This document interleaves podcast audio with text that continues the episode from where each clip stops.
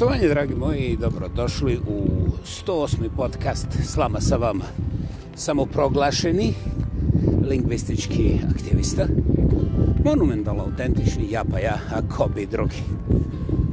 A, to ste primijetili, najveći neprijatelj snimanja na otvorenom nisu, interesantno, drugi ljudi, pa čak ni razno razni najčešći zvuci, recimo prometni, prometni, ili recimo nabrojite šta već hoćete, vjetar, vjetar, vjetar, najkraće.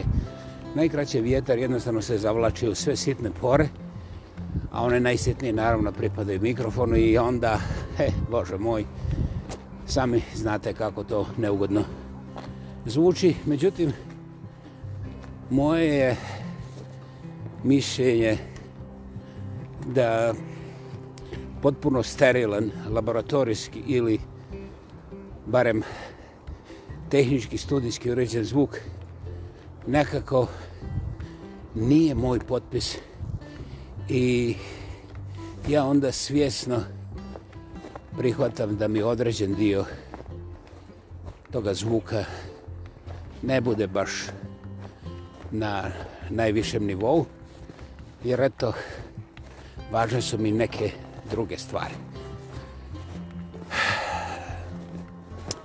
Toliko o tome. A, pa, došli smo do 108. podcasta skupa. A, to je apsolutno fantastično, najprije zbog toga što kada sam počinio prije četiri mjeseca 108 epizoda, mislim, ili 108 emisije, ili 108 kazivanja, nazavite kako hoćete. Nije mi bilo ni blizu nikakve fantazije, kamoli nekakvog planiranja, ne do bog programiranja. Međutim, nošen sa onim što je bio vaš odgovor na sve ovo, pa onda bacajući povrveno pogled na statistike i na prostore sa kojih dolazite vi koji slušate, i samim tim podržavate ovaj podcast. Ja sam bio... Da, i danas, i danas sam u nekakvoj vrsti začuđenja, ali svakako pozitivnog i u svakom svom koraku najprije zahvalnog, jer ja razumijem da je vaše vrijeme dragocjeno i da vi imate takav izbor koji ja ne mogu niti zamisliti. A kada se odlučite da provedete ovdje na ovom podcastu 15, 20, 25, ponekad 30 minuta ili duže, to je za mene najveće priznanje i istovremeno najveći postrek da idem dalje jer u suštini svega stoji komunikacija, kao što smo rekli na početku, i ta komunikacija funkcionira, a to je onda vrlo jasan oblik zdravlja u toj simbiozi podcast, korisnici podcasta. I naravno, posebna je dimenzija što ovdje nema zadatog cilja, dakle, niti vi morate da svratite sutra ponovo, niti će biti ispitivanja na zadate teme, nego kucamo na pojedinaša vrata ljudskih interesa i onda dozvoljavamo sebi da dotaknute teme širimo ili služavamo na naš način bez apsolutno ikakvih vanjskih konsekvenci, a pogotovo ne nekih nepotrebnih kritičarskih naglašavanja lijevoga ili desnoga. Da li smo mi neutralni? Znate, ja nikad nisam ispitivao vas. Personalno,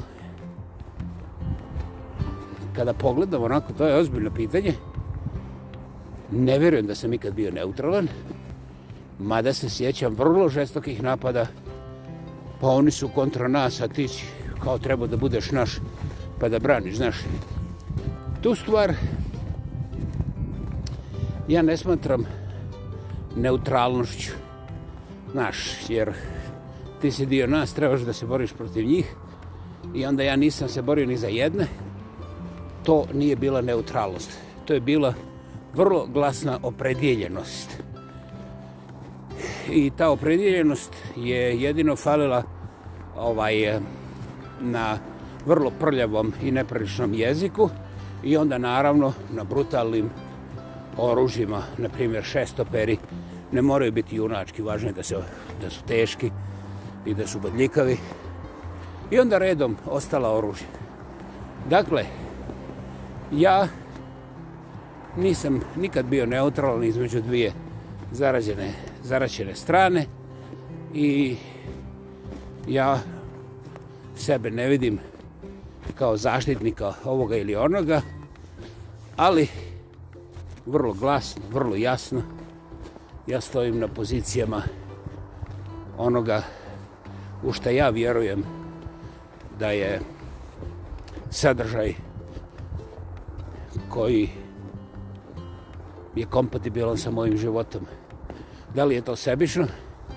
Gospodo draga, ako vi nemate ove minimalne sebičnosti, ja ne znam na temelju čega vi odlučujete o svojem životu.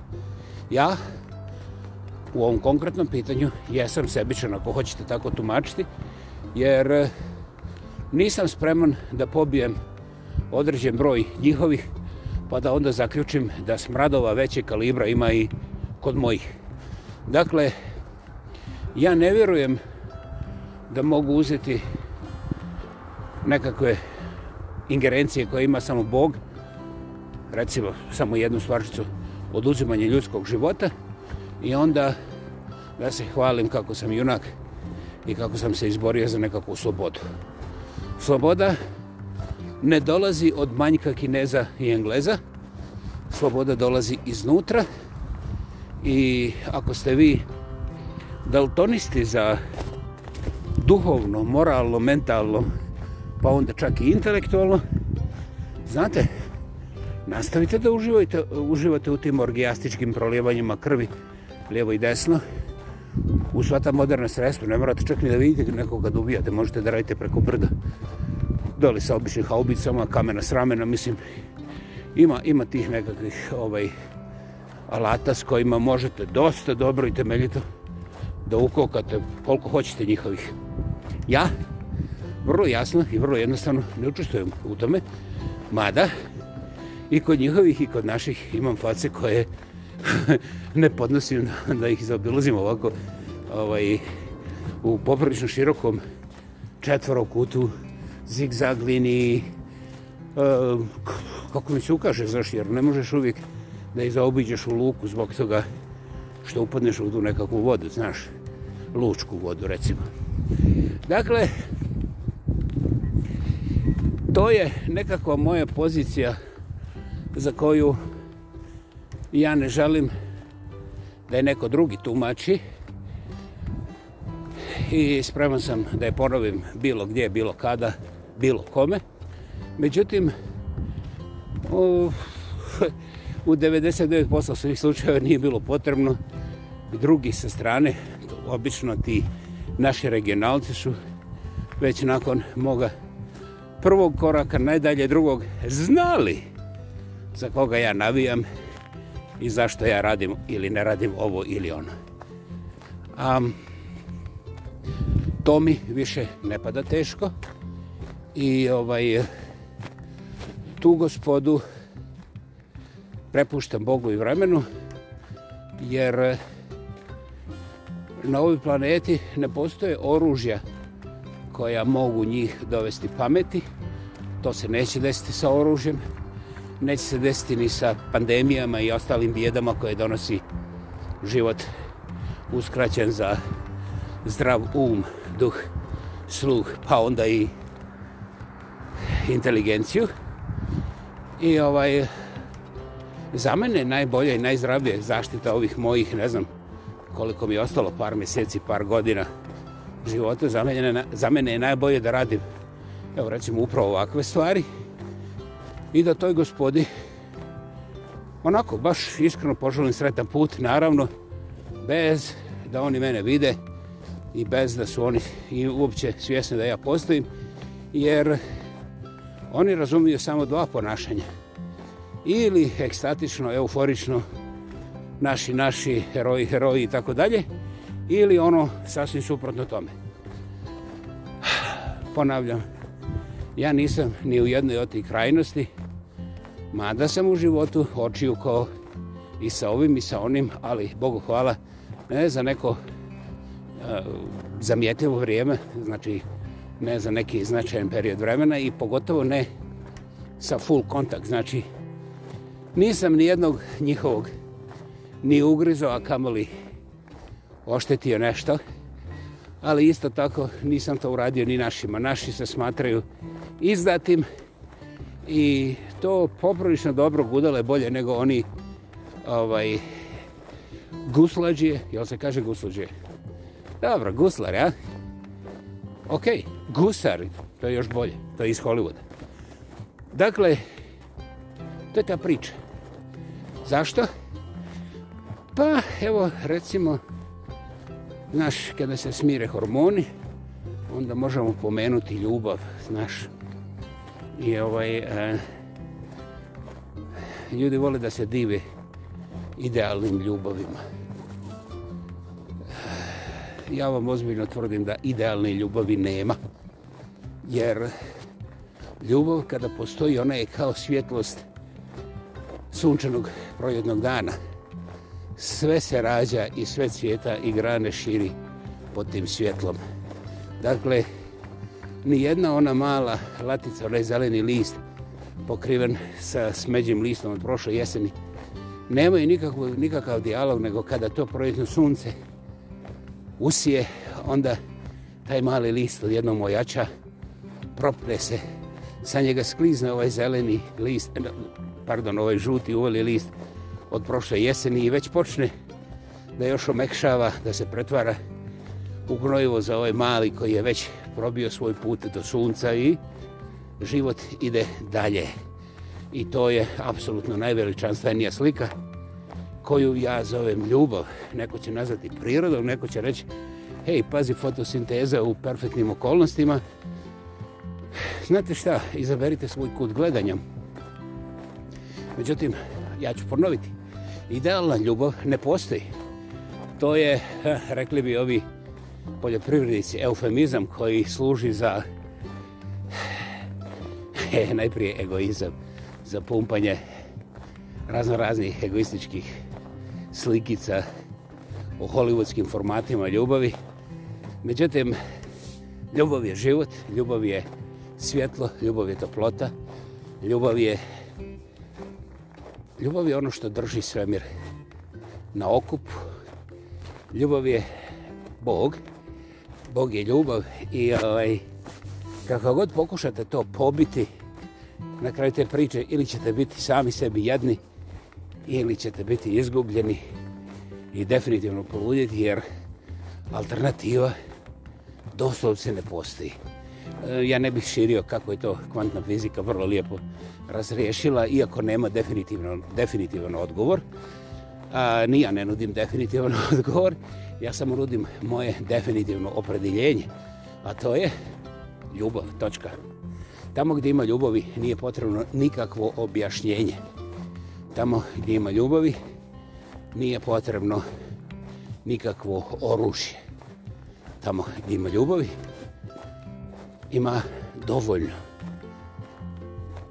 Tamo gdje ima ljubavi, bolesti same od sebe podvijaju rep i nestaju u sumraku ovih raznoraznih rupa i crnila nekakvog mraka koje tu i tamo uvijek izroni. Dakle, da li bih ja mogao reći da je, oru, o, da je ljubav najjače oružje univerzuma, Ne, ja nisam toliko bolestan. Ljubav nije ni emocija, ni oružje, ni nešto između. Malo čas rekao ljubav je Bog, a taj je sve prisutan i svemoćan. Sve prisutan i svemoćan.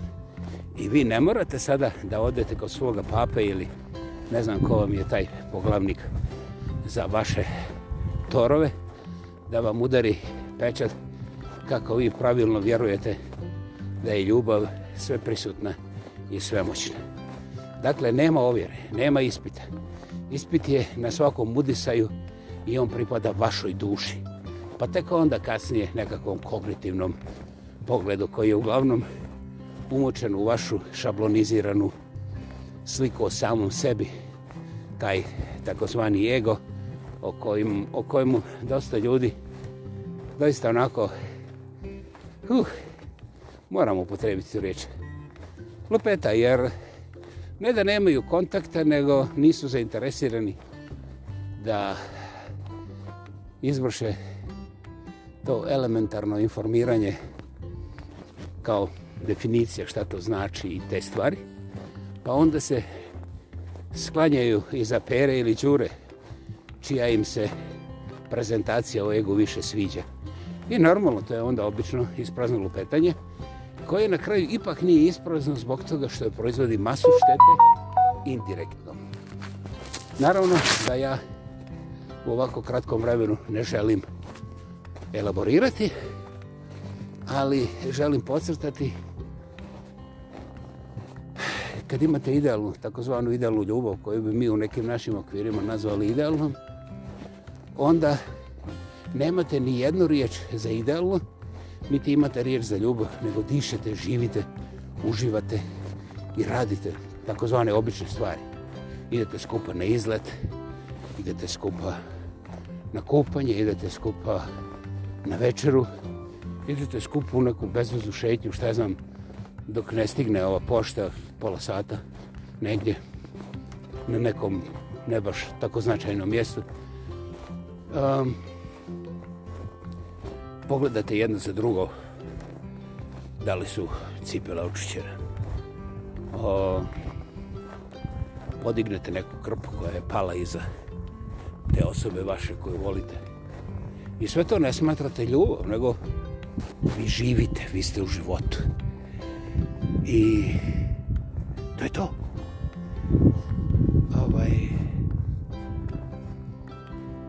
Dakle, kada imate idealnu ljubav, vi nemate ni jednu jedinu riječ, čak ni idealnu, ni ljubav, nego jednostavno imate pored sebe dušu i čovjeka s kojim uživate. To znači da ste u životu i to se osjeća i doživljava kao život. Zato mnogi cmizdre kada izgube životu, svoje ljubavi i tek onda skuže da to što su imali jeste bilo perfektna ljubav, ali oni su mislili da je to samo šetnja od pola sata, zajednički odlazak na ručak, dobro, šetali smo zajedno i šta je znam, još neke stvari smo radili zajedno. Da, te male, sidne, nevidljive stvari, nimalo epohalnih naziva, su zapravo najveći dosezi ljudskog kapaciteta za ljubav. Dakle, ne treba vam Ferrari ukoliko imate pravu osobu pored sebe. Međutim, najprije morate imati pravu osobu u svojoj vlastitoj koži. I to je ozbiljan posao, svakodnevni. Hvala vam. Bila je ovo 108. slaba sa vama. Ja pa jako bi drugi Vladimir kreće ispod predivnih stinovitih planina. Hvala vam, imajte predivan dan i čujemo se vrlo brzo. Ćao, bao.